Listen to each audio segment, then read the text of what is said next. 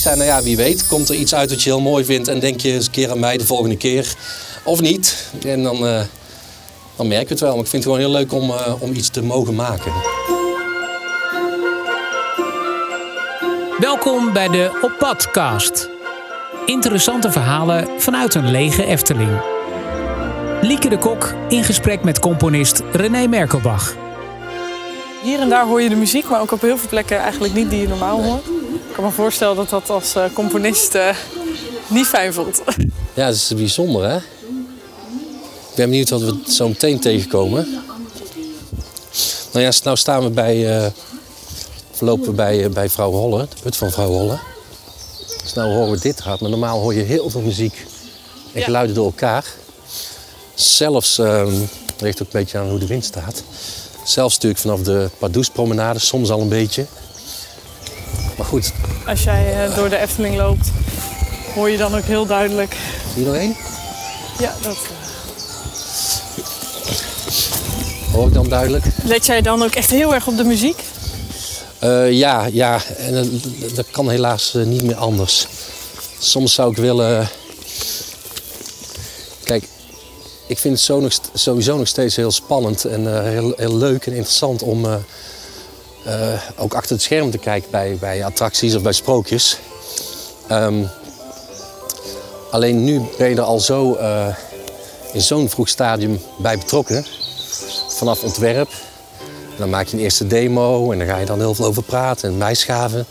Opnemen met echte instrumenten meestal, bijna altijd dus die, die verrassing, nou ja, onbevangenheid die, die een bezoeker heeft, die, dit gaat niet hè, die uh, een bezoeker heeft, die ben je natuurlijk uh, die ben je kwijt. En dat is wel eens jammer.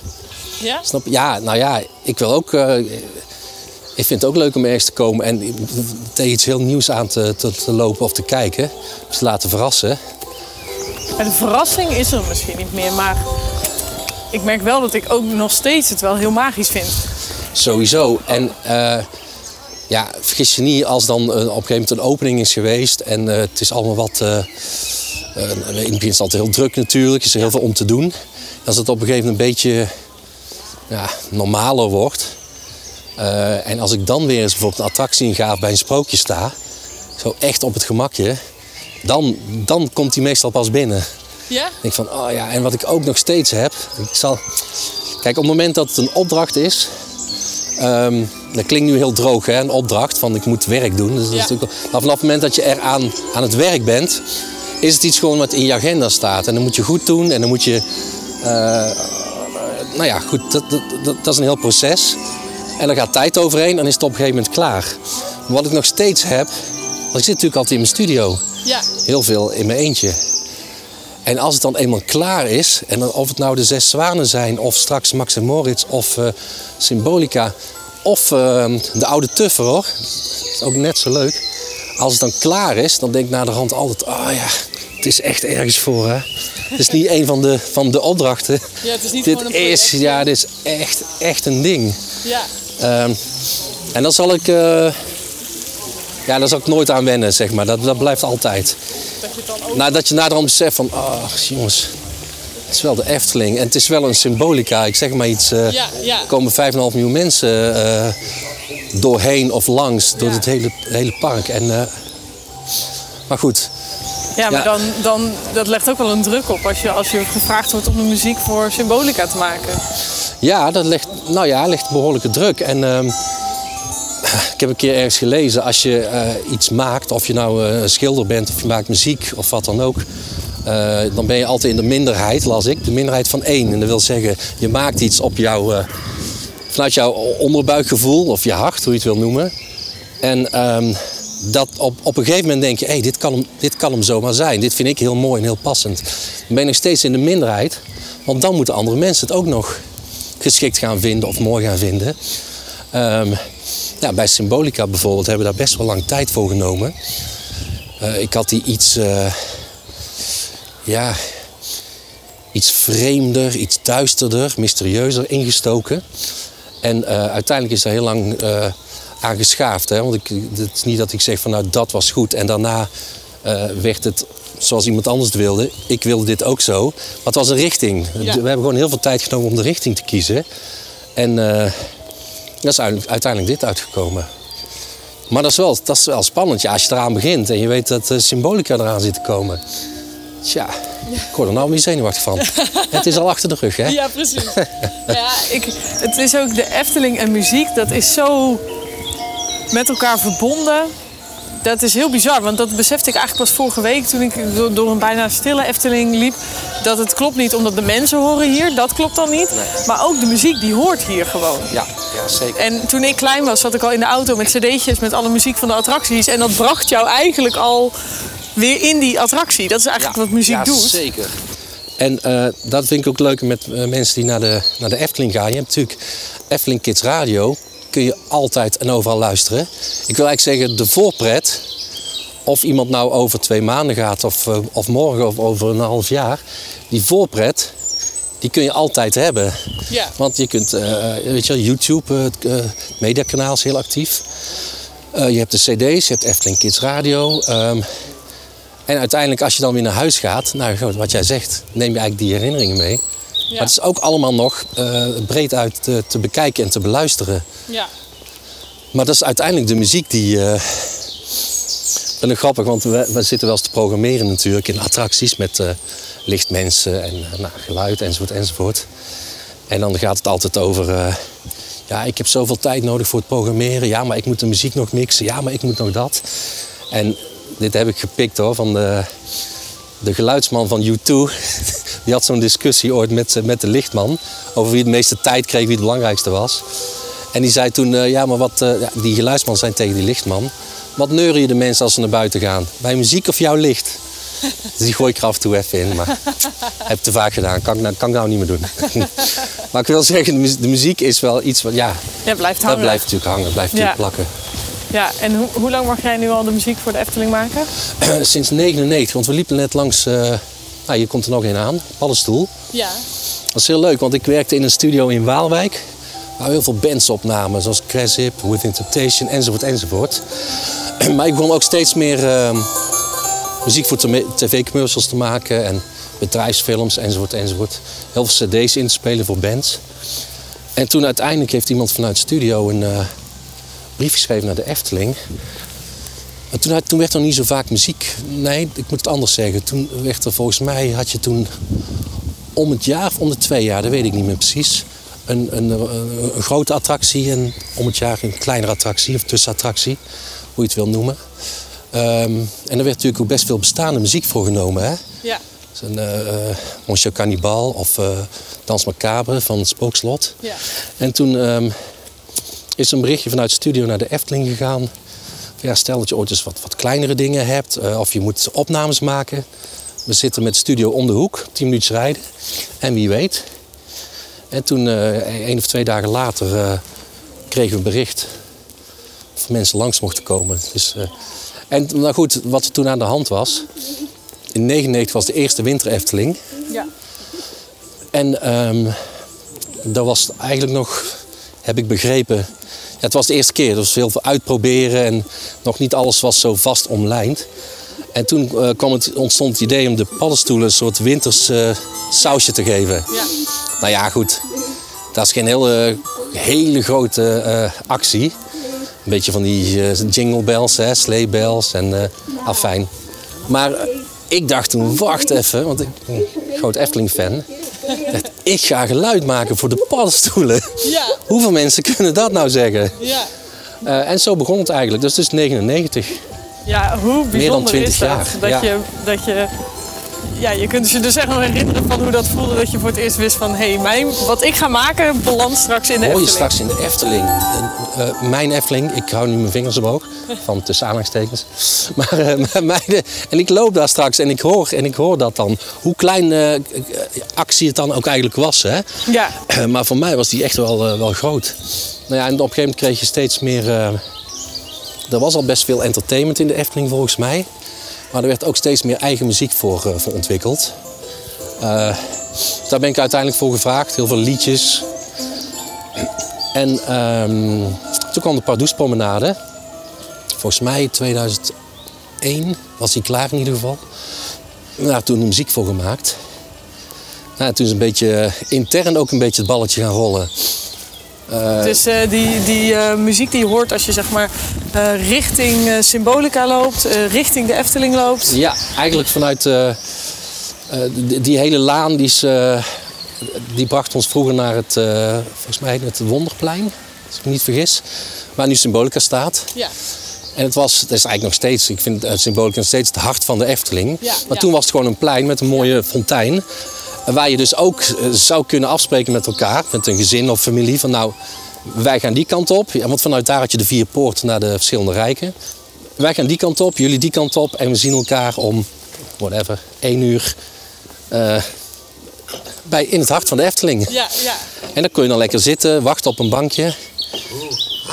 Kijk. Nadenk ik, ik kan niet op u Knies hoor. maar, um, maar die muziek inderdaad, de, de laan er naartoe, de Pardoespromenade. Ja. Die muziek heb ik toen gemaakt. Maar dat is, nou ja, ik wil niet zeggen dat de paddenstoel een klein klusje was, maar dat was een soort twist. Maar dat was voor het eerst echt dan zelf iets maken. Dat was voor het eerst echt zelf iets maken. En uh, Henny Knoet, die ontwierp de, dat is natuurlijk de, de geestelijk vader van uh, Pardoes en ook van Symbolica en heel die wereld omheen. En die ontwierp uh, ook die promenade. En daar heb ik toen eigenlijk zelf een, uh, een gesprek mee aangevraagd. En gezegd van nou, uh, Annie, ik doe de, de, de wat kleinere dingen. En kijk, die promenade was wel zo'n groot uh, project. Dat werd wel echt gezien als een, als een attractie. Ondanks dat het geen dark ride of, dark ride of achtbaan of wat dan ook was. Maar ja. wel heel omvangrijk. En toen heb ik gezegd van nou, ik, ik, ik vraag eigenlijk niet om een opdracht. Maar ik, ik doe nu zoveel kleinere dingen. Ik zou zo graag een keer gewoon echt een, echt een uh, fatsoenlijke briefing willen hebben. Ja. Alsof ik de opdracht zou krijgen. En uh, dat vond hij heel leuk toen. hij zei toen ook van ja, ik, dat, ja, ik ga jou niks uh, beloven. ik had natuurlijk ook nog niks om te laten horen hè, op Nee. dat kaliber, dat niveau. Henny zei toen, ik kan je niks beloven. Want ja, je hebt niet al een attractie gedaan of een groter project hier. Maar uh, ik vind het wel heel leuk dat je, dat je dit wil doen en wil proberen. En uh, we zien wel. En ik zei, nou ja, wie weet, komt er iets uit wat je heel mooi vindt en denk je eens een keer aan mij de volgende keer. Of niet. En dan, uh, dan merk je het wel. Maar ik vind het gewoon heel leuk om, uh, om iets te mogen maken. Dus daar heb ik toen een weekje op gezeten. En toen zei hij, toen hij het hoorde, goh, dit wil ik eigenlijk gewoon gebruiken. Hoe tof is dat? Ja, dat is echt super tof. En die versie is, uh, die hebben we een aantal jaar geleden, dat is misschien ook alweer tien jaar geleden, heel klein beetje geüpgrade ge met een paar echte instrumenten. Maar verder is het gewoon nog de originele, originele versie. Zoals ik het toen maakte. Zonder opdracht. Ja, en, maar je moet ook uh, nagaan, we zijn dus bijna twintig jaar verder. Ja. En de techniek is veel verder. En de geluiden die nu uit de computer komen. Ik heb nu uh, de BBC Orchestra, Symphonic Orchestra in mijn uh, computer zitten. Ja, dat is allemaal wel gewoon ingespeeld, zeg maar. Dus als je Ja. een toets indrukt, dat is nog wel belangrijk welke toets, hè. Iedereen kan het kopen, maar niet iedereen weet wat hij ermee moet doen. Maar als je een toets indrukt, ja, heb je wel die, die ene violist of die twintig... die samen die ene noot uh, heel lang hebben gespeeld. Ja. Maar dat was dus toen niet. Toen hadden we gewoon uh, nou ja, prima geluiden in, in, in wat synthesizers. En had je de eerste samplers, Akai sampler. Dat duurde dan uh, twee minuten om één geluid te laden. En als het dan niet mooi was, dacht je... Hm, op naar de volgende twee minuten. uh, nu gaat het allemaal heel anders. Maar goed, die sound samen, die, uh, ja, die werkt daar wel. Die kennen we daar ook van. Ja. En uh, ja, maar dat is het ook. Er hoort ook herkenbaarheid bij. ja, precies. Bij, bij wat ik zeg, de muziek roept de plek op. Nou ja, als je kijkt naar ehm, Villa Volta natuurlijk. Ja. Of bijvoorbeeld, wou ik zeggen. eh, de muziek van Villa Volta is ook, eh, is ook iconisch. Dat kent iedereen. Maar als je goed naar die geluiden luistert... Als ik me niet vergis, heeft eh, Ruud Bos het ook gemaakt in een tijd... eh, eh, toen had je de DX7 synthesizer. Dat vonden we, ik weet niet of je dat iets zegt, maar dat vonden we allemaal heel spannend in de muziekwereld. Want daar kwam een, vonden we toen dan, een heel echte basgitaar uit en een heel echte blazers en zo. Als je het nou terug hoort, denk je, oh. Maar goed, maar toen, weet je, en daar heeft hij ook, uit de DX7 of een dergelijk apparaat eh, een aantal instrumenten gehaald. Als je dat nu zou moeten maken, dan zou je dit nooit, dat zou je niet meer gebruiken. Nee. Dat, is, dat is gedateerd. Maar je moet, ik vind wel, je moet het niet vervangen. Nee. Dit is de muziek van Villa Volta. Dit is wel van Ruud Bos. Ja, precies. Ik zou daar niet mee gaan, eh, gaan rommelen of eh, zeggen van dat gaan we anders doen. Dit, dat hoort daar gewoon helemaal bij. Dus dat is niet erg, wil ik zeggen. Dat het Ja. dan qua sound iets gedateerd is. Dat je het gevoel dat is het misschien hetzelfde. wat ouder is, maar het gevoel hoort Ja. er gewoon bij. En dat is natuurlijk heel erg bij muziek en gevoel, dat gaat heel erg samen. Dat lijkt me ook wel, want ik neem aan dat je dan heel veel samenwerkt met ontwerp. En dat er een soort algemeen gevoel is waar jullie allebei op door moeten werken. De een in beeld en de ander in Ja, geluid. ja die ontwerper, ontwerpers, die zijn natuurlijk altijd al een aantal ja- jaren eh, verder dan ik. Die lopen Ja. mij vooruit. Want op het moment dat ik er, er, er- erbij gehaald word, is hun, hun, hun, hun plan, ontwerp, alles is al eh, vast omlijnd. Ehm, maar dat is ook heel spannend, hè? Want een ontwerper legt daar ook heel zijn eh, ziel en zaligheid in. En die muziek, die kan het maken, maar die kan het ook breken. Ja. En daarom ligt het soms ook gevoelig bij ontwerpers en zijn ze er heel nauw bij betrokken. Maar dat kun je alleen maar waarderen. Ik heb ook wel eens wat dingen gedaan voor, eh, eh, voor andere opdrachtgevers. Niet eh, Efteling in het verleden. Ja, dat was toch echt wel een beetje van... bestel maar, bestel maar. En maak de muziek maar en stuur het maar op. En, en bedankt en tot ziens. En hier gaat het toch anders. Hallo. Hier is het, is het echt, echt een heel nauwe samenwerking met, met de ontwerpers. Ja. Dus bijvoorbeeld bij Nou ja, Symbolica, we waar we lopen nu nu op tegen een, eh, een van de kleinere projecten eh, aan. Symbolica. nee. Ja, dit was natuurlijk...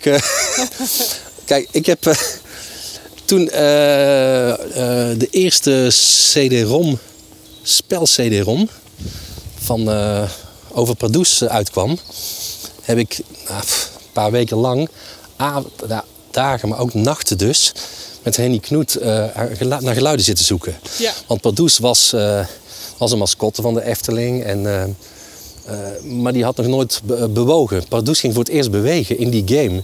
Dan hebben we het dus ook over, ja, misschien ook ja, om rond 2000 of zo. 2000, 2001 misschien. Ik weet niet meer precies. Maar dit is natuurlijk wat hij altijd voor ogen had. Ja, ja, Dit- dit prachtige paleis dat wat kost tijd natuurlijk om, om dit te maken, te bedenken en te ontwikkelen. Maar het leuke was wel, ik heb zoveel tijd met Henny gezeten, zoveel eh, tijd in de studio gezeten met geluiden voor Pardoes eh, eh, te bedenken. Hoe is zijn stem? Hoe loopt Pardoes? Wat hoor je als Pardoes loopt? Ik kwam aan met, eh, met voetstapjes, van die cartoony eh, voetstapjes. Ja, zei Henny, maar dat, dat klopt natuurlijk niet, want Pardoes heeft eh, een soort sloffen aan. Ja, ja, ik zei, dan horen we hem niet lopen. Ja, jawel, want hij heeft eh, belletjes op zijn eh, sloffen, schoenen, hoe je het wil noemen. Maar goed, al dat soort, al die dingetjes. Ik heb toen heel lang aan, eh, naar gezocht en gesleuteld. En dat was ook allemaal op een ja, redelijk eh, eenvoudig niveau. Het was ook... jij, jij zegt nu van, jij zegt hoe Pardoes loopt. En ik hoor meteen die belletjes me. Ja. Maar dat komt natuurlijk omdat jullie dat toen gecreëerd hebben. Ja, ja, het leuke was, ik vond het echt super leuk, want ik, ik zat toen net, nou, ik kom eigenlijk uit de tijd dat je geluidseffecten eh, destijds van een CD-ROM haalde. Nu haal je alles van internet wat je wil, hè. Maar Henny was veel meer van de oude stempel. Eh, als je een geluid nodig hebt, dan neem je het op. En als je het niet hebt, dan maak je het en dan zorg je Ja. dat het erop lijkt. Eh er viel een bal, ik denk een gouden bal, weet ik niet meer zeker, in de, in de CD-ROM. een grote zware bal in een, in een fontein of iets dergelijks. En ik dacht, ja, ik kan er geluid niet vinden. Maar ja, ja, het is super simpel wat ik nou zeg. Maar Henny pakt gewoon natuurlijk een emmer met water erin. Hij had een klein balletje, wat zwaarder balletje. Nou ja, en die kleine plons, die hebben we natuurlijk verlaagd en vertraagd en verzwaard. En dan werd een gigantische plons. Dat klinkt super simpel nu. Ehm, en ik wist natuurlijk dat dat gedaan werd. Alleen ik was meer van de snelle, snelle acties. Mid- Midden in ons eh, gesprek. Hoi. We hadden het net over jou. Sander? Ja. Maar, ehm, maar goed, dat ben ik dus door, door Henny eigenlijk gaan waarderen en gaan beseffen van, ah ja, eh, kijk, het moment dat je geluiden van, eh, van internet haalt of eh, uit de computer haalt, of van een CD-ROM, dan dat geluid kan ik daarvan afhalen, maar jij dus ook. Ja. En de buurman ook. En voor je het weet heeft iedereen bal 1 van CD 1 van die library. Op het moment dat je alles zelf gaat maken, is, het, is het uniek dus. Ja. Maar goed, al dat ge- ge- geknutsel, want dat was het eigenlijk, eh, met Henny, ja, toen had ik niet kunnen voorzien dat we nou hier voor, eh, voor Symbolica staan. Met alles op en eraan. Met al die scènes, al die verschillende eh, sferen, geluiden, sounddesign. ja, hier zit heel veel in, hè? Hier zit heel veel in. Heel veel in. Is dit dan ook een van de attracties waar je het meest trots op bent? Ehm, ja, ik ben er ook. Nou ja, maar dat zit hem niet in de omvang. Eh, maar ik ben net zo trots op de Zes Zwanen bijvoorbeeld. Terwijl de Zes Zwanen is. eh, kijk, dit was gigantisch. Hier hebben we Ja. maandenlang met het heel ontwerpteam eh, aan, gewerkt en aan gesleuteld. En de Zes Zwanen eh, heeft ontwerper Sander, Sander de Bruin. Die zei op een gegeven moment: Nou, ik heb een bepaalde vrijheid gekregen of genomen. om dit op deze manier uit te werken. En die wil ik jou ook geven. En dat was een andere insteek. Dat was eigenlijk voor het eerst. eh, eh, normaal heeft een ontwerper best wel al een plan of een richting van waar het in gaat. En die had hij waarschijnlijk wel. Maar zei, daar kun, daar kun je het altijd nog over hebben. Eh, tenminste, dat gevoel gaf hij. Daar kun je het altijd over hebben. Laten we eerst kijken wat jij zou doen. Dus toen heb ik dit gemaakt. En dat is eigenlijk heel klein. Kijk, symbolisch heb je het over een orkest van eh, 60 man. Ja. En een paar dagen opnemen in een grote studio in, in, in België. Ehm, en de Zes Zwanen heb je het over eh, één cello, één harp en, eh, en piano. En een paar hele kleine toevoegingen. Maar dit, dat, ja, als ik daar sta, kan ik er net zo trots op zijn eh, als, als op Symbolica bijvoorbeeld. Maar goed, dat gezegd hebbende, hier heb je natuurlijk wel heel veel scènes. En daar is wel lang over nagedacht hoe je... ehm, in al die scènes is de muziek net anders. Ja. En als je er doorheen gaat, heb ik vanaf het begin af aan gezegd... moet je niet het gevoel hebben dat eh, er een muziekje wordt ingestart als jij binnenkomt. Nee. Het is geen trigger. Die muziek is daar, die wereld is daar... en wij mogen daar, achter de schermen... door de omweg, hè, dan, dankzij Pardoes, mogen we achter de schermen... ehm, wij mogen dat toevallig eh, eh, zijn en meemaken. Maar als wij er niet zijn, is die muziek daar ook gewoon altijd. Ja. En dat is een ander verhaal dan wanneer je binnenkomt en boem, muziekje 1 wordt gestart. Voor een scène muziekje 2. Dit is er en in, in het hele paleis loopt die muziek gelijk met elkaar. Alleen de sfeer is in iedere ruimte anders. Is er dan ook nog een stukje in de Efteling waarvan je denkt... een stukje muziek wat je niet zelf hebt gemaakt... waarvan je denkt, ik zou toch willen dat ik dat had gemaakt? Ehm, ja, kijk, Dans Macabre is, eh, ja, dat is echt Ja. eh, onnavolgbaar. Dat kan ik gewoon dat kan ik niet... Ik snap eh, hoe muziek wordt geschreven en hoe het wordt bedacht en wordt gemaakt. Maar hoe iemand toen dat heeft bedacht, bijvoorbeeld... ehm, en ehm, ik heb heel veel muziek mogen maken nadat Ruud Bos muziek heeft gemaakt. Maar ik zei straks al hoe, hoe, hoe fan ik altijd al ben geweest natuurlijk van, van de Efteling. En toen die eerste kleine opdracht met de panstoel kwam, toen, dat was echt al eh, gewoon een ding. Ehm, maar als je fan bent van de Efteling, en dat, wat jij ook zegt, die muziek die neem je mee en die muziek zit in jou en daar heb je herinneringen aan. Je hebt natuurlijk ook alles met Ruud Bos. Weet je, dat is natuurlijk, eh, als je het hebt over iconen, Ja. iconen qua ontwerp en, eh, en, en qua muziek, ja dan weet je. ehm, dus ik, wil niet zeggen dat ik dat allemaal, ik zeg van, oh, ik had dat willen doen. Maar wel... Maar wel, ja, goed. Je kunt niet, hoe het gedaan ja, is. zeker. Je kunt niet ontkennen als je door Droomvlucht gaat. eh, Villa Volta, Fata, Mag Fata Morgana ook hoor. De, weet je. Ik vind het altijd leuk als. ehm, vind ik altijd interessant als. Nou, Fata Morgana is iets lastiger mee te fluiten. Hè? Dat is een beetje Ja. een drukke melodie. Maar mensen kunnen het wel volgen. Ze kennen allemaal de melodie. En ik vind het super interessant als dat bovenin, noem ik dat dan altijd maar. De melodie die er zo dik bovenop ligt. eh, eenvoudig lijkt of herkenbaar is of blijft plakken. Maar onderin, als je dan als, als muzikant of componist gaat luisteren, denk je van ja jongens, dit is geen, eh, dit is, hier is niks eenvoudigs aan. De- de- de- ja, het zijn geen duizenden noten, maar al die noten die, die je hoort, die zijn allemaal, eh, die zijn allemaal raak. Het is echt, echt eh, grote klasse. Dus daar ben ik, eh, ja zie je. Hier komt mijn fan, mijn fan zijn, hè? Bos vandaan. Nee, dus, nee. Nou, weet je wat nog wel leuk zou zijn? Dat heb ik al vaker gezegd. Dat is helemaal niet nodig. De Python is al spannend genoeg op zich. Ja, Maar dat die Python toch een keer een eigen thema zou krijgen, dat zou toch iets zijn, hè? dat zou jij wel willen doen. Dat zou ik al wel willen doen. Ik zou heel veel willen doen, maar ook eh, die Python, eh, Daar is Ja, even een flinke muziek achter Daar is even flink, want op een gegeven moment is de, is de Python is het iets meer gethematiseerd, geloof ik, een aantal jaar geleden. Iets meer jungle-thema eh, geworden. En ja, toen heb ik wel eens gedacht, oeh, daar kun, je, daar, kun je, daar kun je iets mee. Daar kun je van alles mee.